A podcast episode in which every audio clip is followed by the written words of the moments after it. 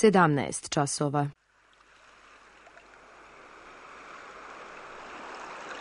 Radio Televizija Srbije. Radio Beograd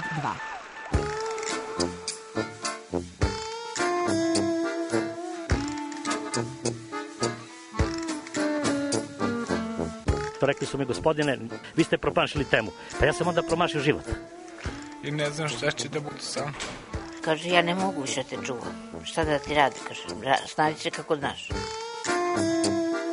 Mi smo kao u kafesu. Za nas to je najmrtvo. To je mrtvo za nas, naročito. Ja bih željela neko da me usvoji. Da bih željela. Govori da bih te video. Program dokumentarnog zvuka.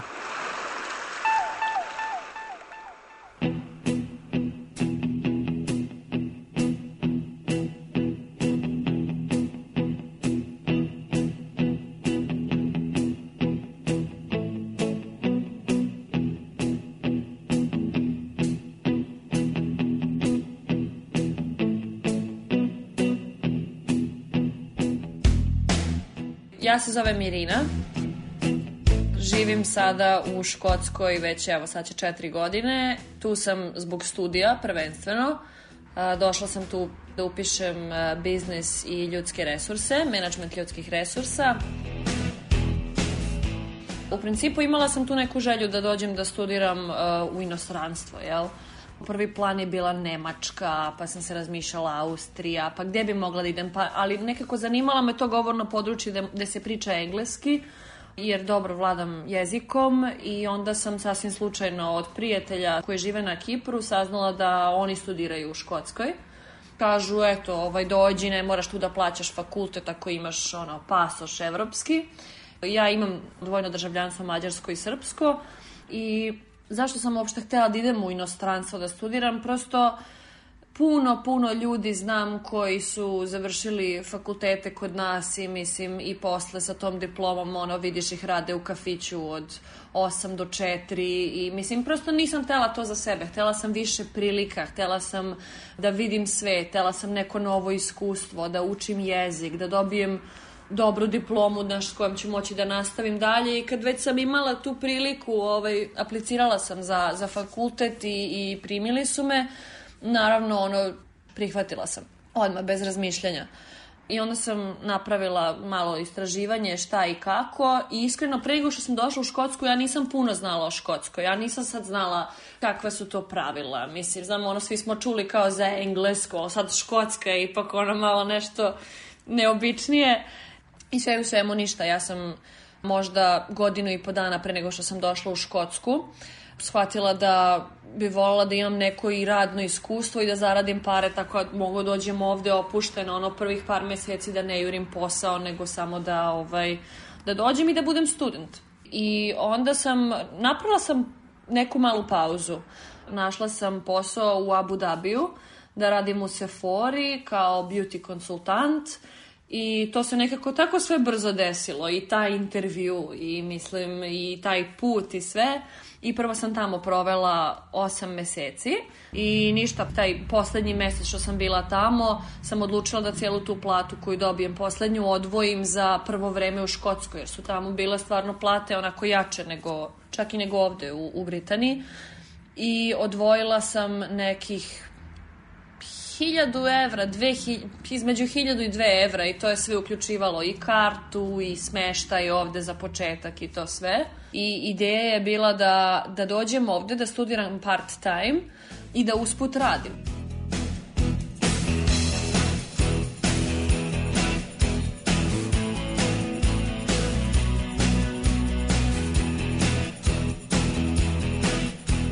čim sam došla, ja sam počela da studiram part time i to mi davalo, dalo, dalo dovoljno vremena da, da nađem posao i da počnem da radim i da nekako balansiram, znaš, faks, život, šta jesti, šta piti, malo izaći i tako. I prvi posao sam dobila posle tri meseca. Nije mi iskreno bilo sve jedno, jer sam razmišljala, dobro, imam to iskustvo u Abu Dhabiju, pre toga sam radila u Beogradu, ali je to uglavnom bilo u kafiću, kao hostesa, kao konobarica, e, radila sam u autoškoli, bila neko vreme, ali sve je to nekako, znaš, razmišljala sam kako će to da prihvate ovde u CV-u. Mogu ti reći, nije mi bilo cveće na samom početku, znači dok nisam dobila taj prvi posao nakon 3-4 meseca, ja mislim da je 3, ovaj, ajde, prvih par nedelja nisam tražila posao, a posle sam počela da apliciram i sećam se da sam aplicirala čoveče jedan dan ono za, ne znam, 20-30 poslova, pa ništa. I prošle su nedelje i mene je počela da hvata neka panika, jao šta ako sad ne dobijem posao, znaš, sećam se ono nisam mogla da spavam uveče, što, što nisam nikad pre imala taj problem, znaš nisam mogla da spavam, nije mi bilo svejedno šta ako ne nađem posao morat ću da se vratiti, ma tek sam došla, ono, želim ovo toliko. Ovaj, nema, kažem, pitanje sreće sad da li ćeš dobiješ posao. Ne, pitanje je koliko si uporan. E, znači, ako si aplicira 40 puta jedan dan, aplicira i sledeći dan, aplicira i za 7 dana, ali ono što je najbitnije je da ne gubiš nadu i nekako što je mene vodilo kroz pa i sve ove 4 godine je ta vera, znači mogu ja to i moram ja to, nema druge. Usamljenci na samom početku, znači mama je bila sa mnom možda tu nedelju dana i onda je ona otišla nazad za Srbiju i u onom trenutku te obuzme ono šok sad sam ja ovde sam, aha, šta sada, bukvalno šta sad u ovom trenutku da radim. I drugačije je bilo od Abu Dabije, jer u Abu Dabiju ipak to je bilo neko iskustvo radi iskustva, zarade, išla sam sa drugaricom, znaš, ono, nas dve smo, to, to je bilo tu godinu života, ono, neću nikad zaboraviti. Ali ovo je drugačije zato što si sad tu došao sam, imaš neki cilj i nije ti sve jedno, ne možeš se vratiš za tri meseca i da kažeš, e, super, imao sam iskustva. Znači, imala sam cilj da završim fakultet. I sad kako to, znaš, kako sad sve to, ono, how to make it happen, jel? Mm.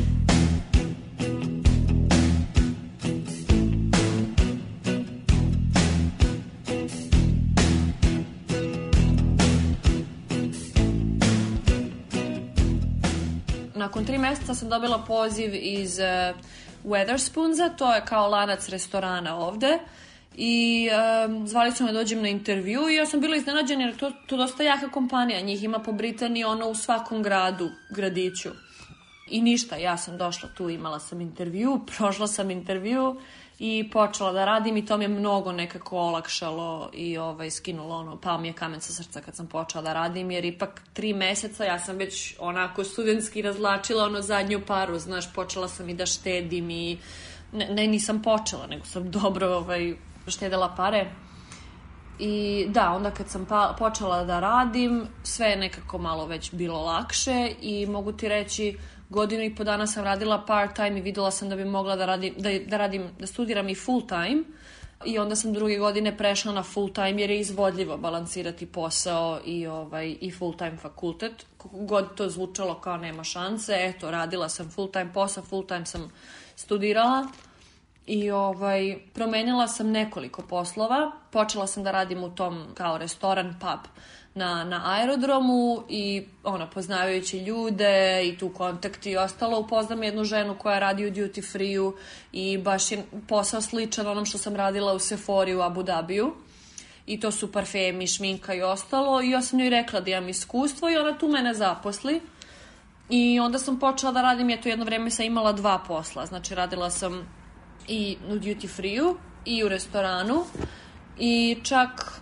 nakon možda tri meseca ta žena koja je mene zaposlila je dobila otkaz i oni su otvorili mesto za novog menadžera i ja sam aplicirala rekao ajde da probam ono šta znam znaš znala sam posao već sam imala nekog iskustva tu i onda sam i to eto dobila sam taj posao onda sam tri meseca bila 3-4 kao line manager tih ljudi sa kojima sam zapravo i prvo i počela da radim. Ono, ono su mene učili u početku i sad su se malo bila situacija okrenula. Kad dođeš otvorenih ruku, nekako ljudi, ljudi prepoznaju, raširenih ruku, ljudi prepoznaju da, da, si, da si iskren, da ne, znaš ono, predosete kad, je, kad si neko ko traži, ko je ambiciozan ili ko neko ko, ko hoće priliku i hoće da uspe i hoće da radi i naravno svako želi nekoga ko ko je vredan oko sebe ili nekoga ko, znaš, ono je spreman da, da, da iskorači. Tako da, zna, znam ljude koji nismo, nismo svi takvi sad, nismo svi brbljivi, znaš, ono, eh, ja mogu, mogu sa bilo kim da pričam, ali zato mi se i sviđa Škotska, što mislim da su kao narod dosta slični nama i većina ljudi ovde možeš da im se javiš na ulici i da počete ono potpuno uh, konverzaciju nijotkuda, kakvo je vreme, aha, šta si ja, ja sam sad bila u radnji i ono, možete da se povežete, ne znam kako, mislim, i to mi se stalno i dešava, dosta su otvoreni škoti u tom smislu, I eto, to je ovaj, to neko poslovno iskustvo. Posle pa sam promenila posao ponovo. Počela sam da radim u Steakhouse-u Miller Carter. Onako dosta na dobrom glasu. Steakhouse u Glasgowu. I tu sam sad već dve godine i kako, i kako je počeo korona i lockdown i sve ostalo, onako me prilično iznenadilo kako u UK su napravili um, taj neki furlough scheme gde ti uh, zarađuješ pare, znači napravili su lockdown, mi smo svi morali da sedimo kući, da se izolujemo, e, međutim mi smo do, još uvijek dobijali 80% plate mesecima nakon, evo i sad dobijam to. I tako da ono, moguće je, kako ti kažem, dosta su dobri ovaj, uslovi što se tiče i toga.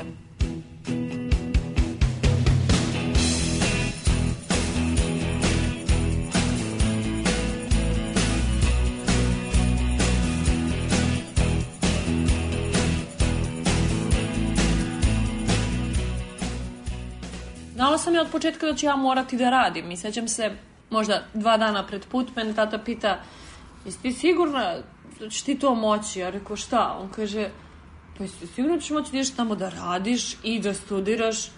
Ja sam nekako bila sigurna, jer sam znala da to hoću i kogod da, da je teško, Znaš, kad imaš taj cilj i želiš bolje i želiš da sebi napraviš neki lep život, onda svašta možeš da, da, da, da napraviš. Tako da, da, znala sam ovaj, da to želim i tako sam i kako sam i radila. Meni je prva godina, na primer, bila plaćena E, taj neki SAS, oni ovaj, za studente iz Evrope, oni pokrivaju tu godinu, recimo yearly fees, znači to je 1800 funti otprilike, godina na fakultetu košta i meni je prva godina bila plaćena, međutim iz druge godine da li je to Brexit bio, da li je to ne znam šta, ja sam ponovo aplicirala za to i oni su mi rekli ti zapravo nemaš ovaj pravo na ovo zato što nisi živjela u Evropskoj uniji, bez obzira pff, na državljanstvo, znaš, ili pasoš. Ti si morala da živiš u Europskoj uniji većinu svog života i odjednom je bilo, aj sad plati i to, znaš. Mislim, 1800 funti godina, ali nije malo kad uključiš i uopšte troškove stana, hrane, svega, mislim, znaš. I ništa, ja sam nastavila da radim istim tempom, možda pokupim još neku ekstra smenu gde mogu i kako mogu, uh, I ja bih rekla, uspela sam te, te prve dve godine, nije bio problem, ali treća godina je bila zeznuta, to je sad ova godina zbog lockdowna, zato što u Miller Carter u tom steakhouse-u sam radila, radimo za minimum wage, međutim napojnice bakšiš budu jako dobri, znači bukvalno ti dupliraju platu.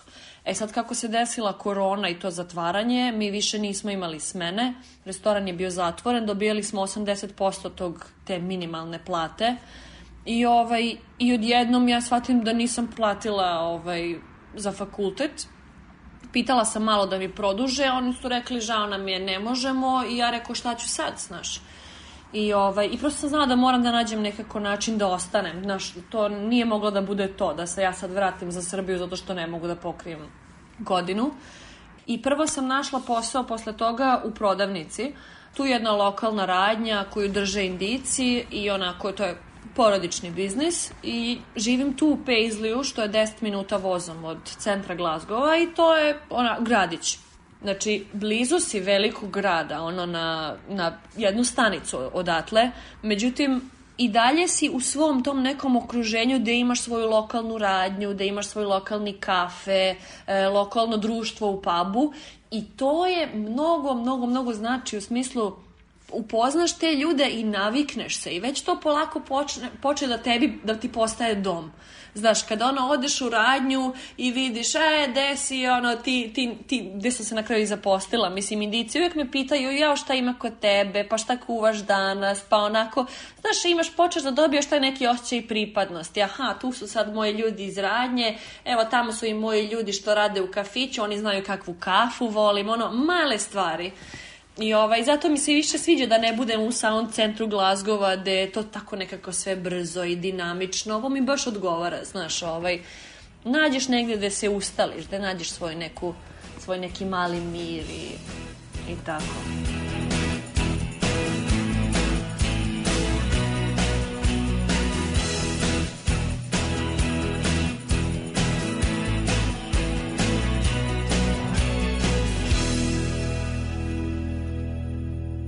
taj lockdown, desio se u, ja mislim, februar, mart. Niko naravno nije verovao ovde. U početku su svi bili kakva korona, kaki bakrači, ba, ono neko ide s maskom, ba, vidi ga mi s maskom, a, što si blesav, znaš. Međutim, eh, kako su stvari postale ozbiljnije, mislim da je prvo u Engleskoj ono bilo baš alarmirajući dole u Londonu, pa je stiglo i, i do Škotske. Čak se sećam, meni je mama javila kad je tek krenula korona da se širi po Kini i ostalo, rekla Irina, molim te, čuvaj se, e, prištedi malo pare, e, znaš, ne znamo kako će se, šta će se desiti, kakva će situacija da bude sa ovom koronom. I ovaj, rekla, ko zna, možda se i zatvore ti restorani i ovo i ono, vodi računa, znaš, eto, tako je malo upozorila.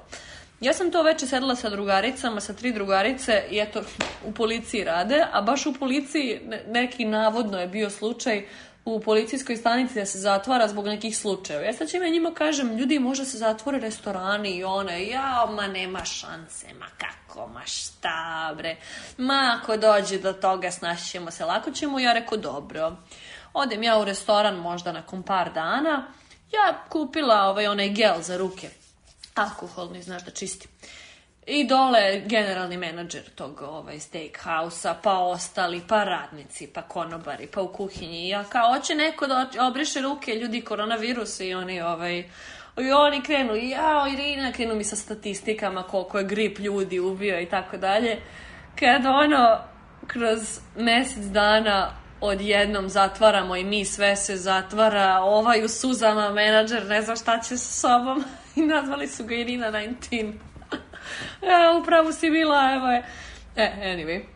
Ovaj, uh, da, kad se zapravo desilo, kad se sve zatvorilo, ljudi su bili ono u strahu, ja mislim svuda, kad, kad, kad prosto dobiješ taj generalni osjećaj, ono, ulice su prazne, kafići su zatvoreni, nije ti sve jedno, ono, hteo, ne hteo, mislim, verovao, ne verovao, šta god. Uh, Ovaj, nikom nije bilo sve jedno i sećam se prvih par meseci smo se svi izolovali, ja sam bila u stanu, ja sam tad još delila stan sa dvoje ljudi i bila sam u svojoj sobi i vidiš, na primer, iz, iz moje perspektive kako mi je bilo, ja, ja sam provodila dosta vremena u, tvoj so, u toj sobi, ali je sve odjednom počelo da smeta drugim stanarima. Znači, nešto što bi ranije bilo ok, normalno pustiš muziku ili vežbaš ili nebitno, ono, u kuhinji si, odjednom počne da smete ili drugima jer si non stop tu, razumeš, u kući.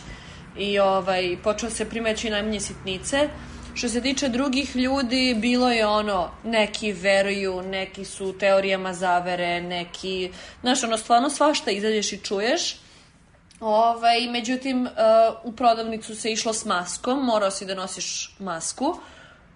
Čak onako najiskrenije u nekima i nisi. Mislim, negde su bili opušteni, iako je supermarket tipa Lidl, eto. Negde su prosto malo pažljivi. Marks and Spencer, tu si morao da i, i masku i da čekaš u redu razmak 2 metra. Osim toga, znači, taj prvi period, da kažem, je bio, bilo najteže pregurati, da si stvarno većinu vremena sedeo u kući. Ja sam imala bajs, bilo je lepo vreme, išla sam malo biciklom, vozila, eto, malo neka vežbica, priroda je prelepa ovde, stvarno nema šta da izgubiš ako odeš ili šetnjice, ta planinarenja, na primer, znaš. I to je bilo prvih nekoliko meseci.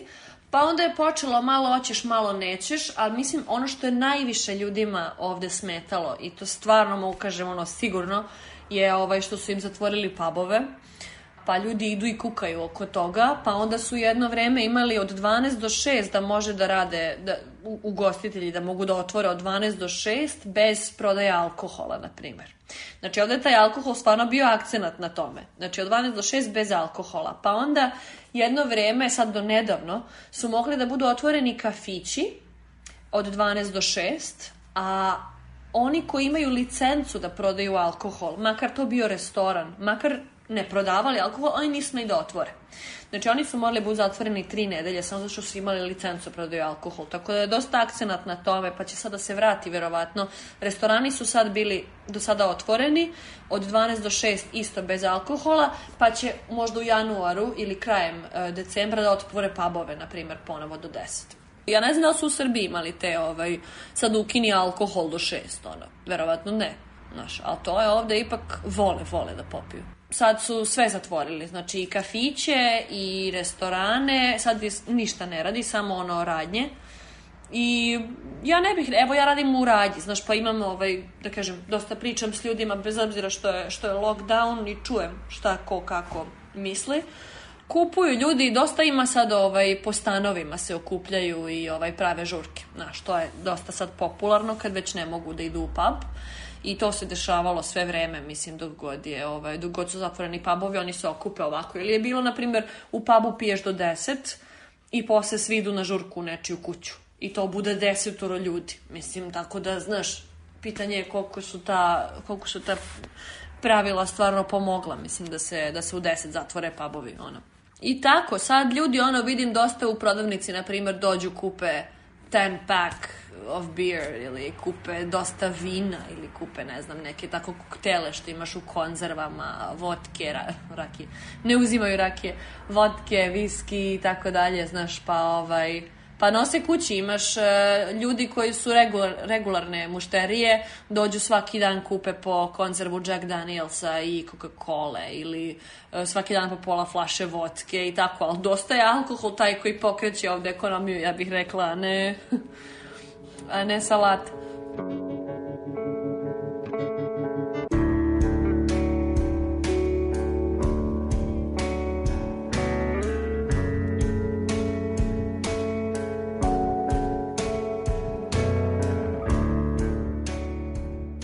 pravo da ti kažem, mnogo mi se sviđa ovde, na primjer, što možeš svuda da odeš vozom. Voz uopšte nije skup. Još kad sam se dosadila, možda nakon nekoliko meseci, sam ono, uzela sam tako jednu kartu za negde, ono, random, kao ajde da odem malo do mora.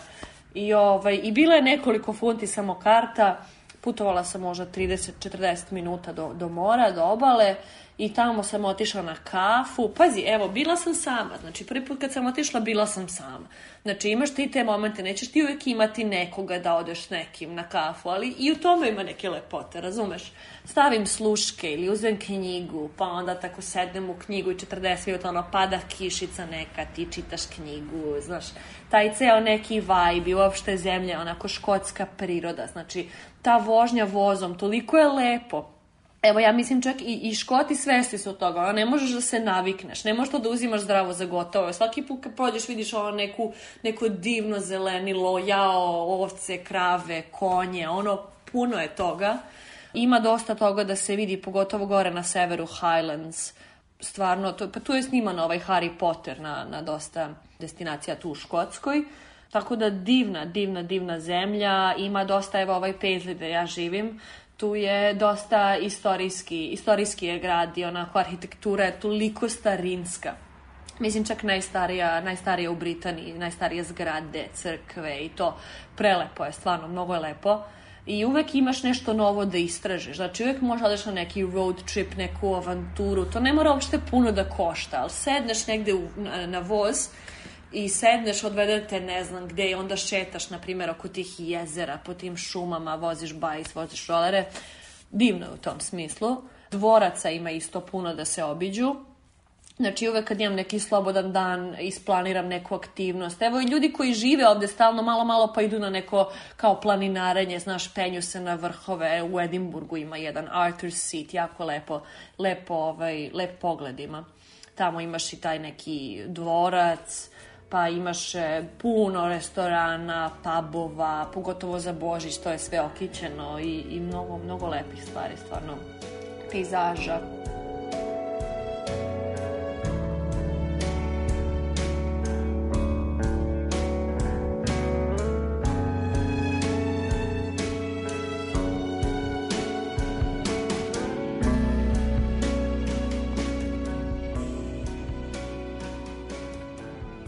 na primjer, sam imala malo veći uvid u tu kulturu, mislim, u e, kako jedna porodica živi u Škotskoj, da kažem. E, sa bivšim dečkom mi smo često išli na, na, na ručak kod njegovih i, na primjer, tako za Božić, vidim, ovde njima je to baš ovaj, veliko, velika stvar Božić, ono dva meseca unapred oni se pripremaju, pa kupuju neke skupe, prekskupe poklone, mislim. Evo sad, na primer, napravili su toliko veliku dramu oko ovog lockdowna, koji traje najverovatnije do 11. decembra, da su se oni upošli da neće na vreme kupiti poklone, da neće da odrade taj Christmas shopping na vreme. Mislim, Božić je njima 25. decembra. Znači imaju šta? Imaju sad već mesec dana ali to je sad već frka, onako, znaš, vidiš, idu sa kesama, ono i to. Ali, sve u svemu što sam počela da pričam, da, e, sa mojim bivšim, pa ništa, išli smo tako, odemo na ručak, pa taj Božić, to je ceo jedan ceo jedan event, mislim, ceo jedan dan posvećen tome, pa imaš otvaranje poklona u neko određeno vreme, pa imaš, e, počinje se sa tim malo proseko sa, sa sokom od pomoranđe pomešano. Uh, to kao svi piju ujutru, pa onda, ne znam, ono, malo hrane, pa onda čekaš veliki ručak, pre ručka se otvaraju pokloni, pa posle se pije, mislim, pa se pije, ono, nedogled. I, um, i, ali ne znam sad naše, da, i ja sam čula dosta toga kao, o, mi smo Srbi pa će da nas prihvate samo do neke mere, znaš možda i moguće da ima tih, ovaj, da ima tih, da kažem, predrasuda s njihove strane. Međutim, ja nešto nisam puno naletala na te predrasude ili oni to jako dobro kriju. Naš ovde, na primjer, ovde nema, ovde je rasizam stvarno nedozvoljen. Znači, ovde i, i, i stvarno iskrena mišljenja ljudi, što više upoznaješ ljude i više vidiš kako razmišljaju, vidiš da iskreno, bre, rasizam ovde je, je jedna loša stvar. U tom smislu su mnogo razvoj, razvijeni nego, nego Srbi, Srbija. Ovaj, znaš, nisu, nisu nazadni. Stvarno, ja lično nisam naletala na neke komentare, ni na, nisam se osjećala ono izolovano jer sam iz Srbije. Čak ceo moj tim u Milleri Carteru, oni me zovu uh, Crazy Serbian, Mad Serbian, znaš. I, ovaj, i, i u jednom i na drugom poslu, ali nekako se osjetiš da to što si iz Srbije, što nisi iz Škotske, iako ti je možda ceo tim iz Škotske, ti se osetiš da si ti drugačiji u dobrom smislu. Znaš, ono, vidiš, a, the exotic Serbian is here i takve stvari. Znaš, ne, ne osetim ni u jednom trenutku da me neko ne voli jer sam iz Srbije, nego baš da sam im zato zanimljiva, znaš. Ali možda sam samo imala sreće i naletala na, na dobre ljude, ali mislim četiri godine sam ovde, znaš, tako da ne. Uh, ne znam koliko je to sreća, ko i kako se i ti postaviš. Mislim, ako se i ti postaviš kao neko ko je, ko je kulturan, ko je pošten, ko je vredan, ko je druželjubiv, znaš, onako kao iskrena osoba, to dobiješ za uzvrat.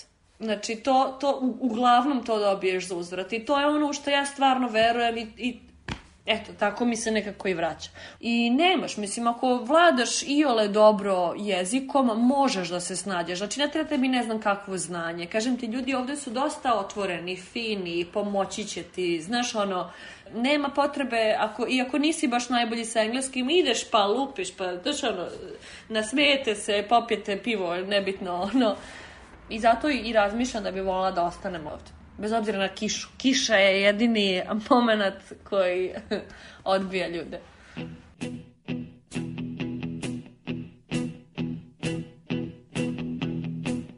When I wake up, well I know I'm gonna be, I'm gonna be the man who wakes up next to you. When I go out, yeah I know I'm gonna be, I'm gonna be the man who goes along with you. If I get drunk, well I know I'm gonna I'm gonna be the man who gets drunk next to you. And if I heaver, yeah, I know I'm gonna be, I'm gonna be the man who's heavering to you. But I would walk 500 miles and I would walk 500 more. U reportaži govorila Irina Murišić, autor Milana Radić.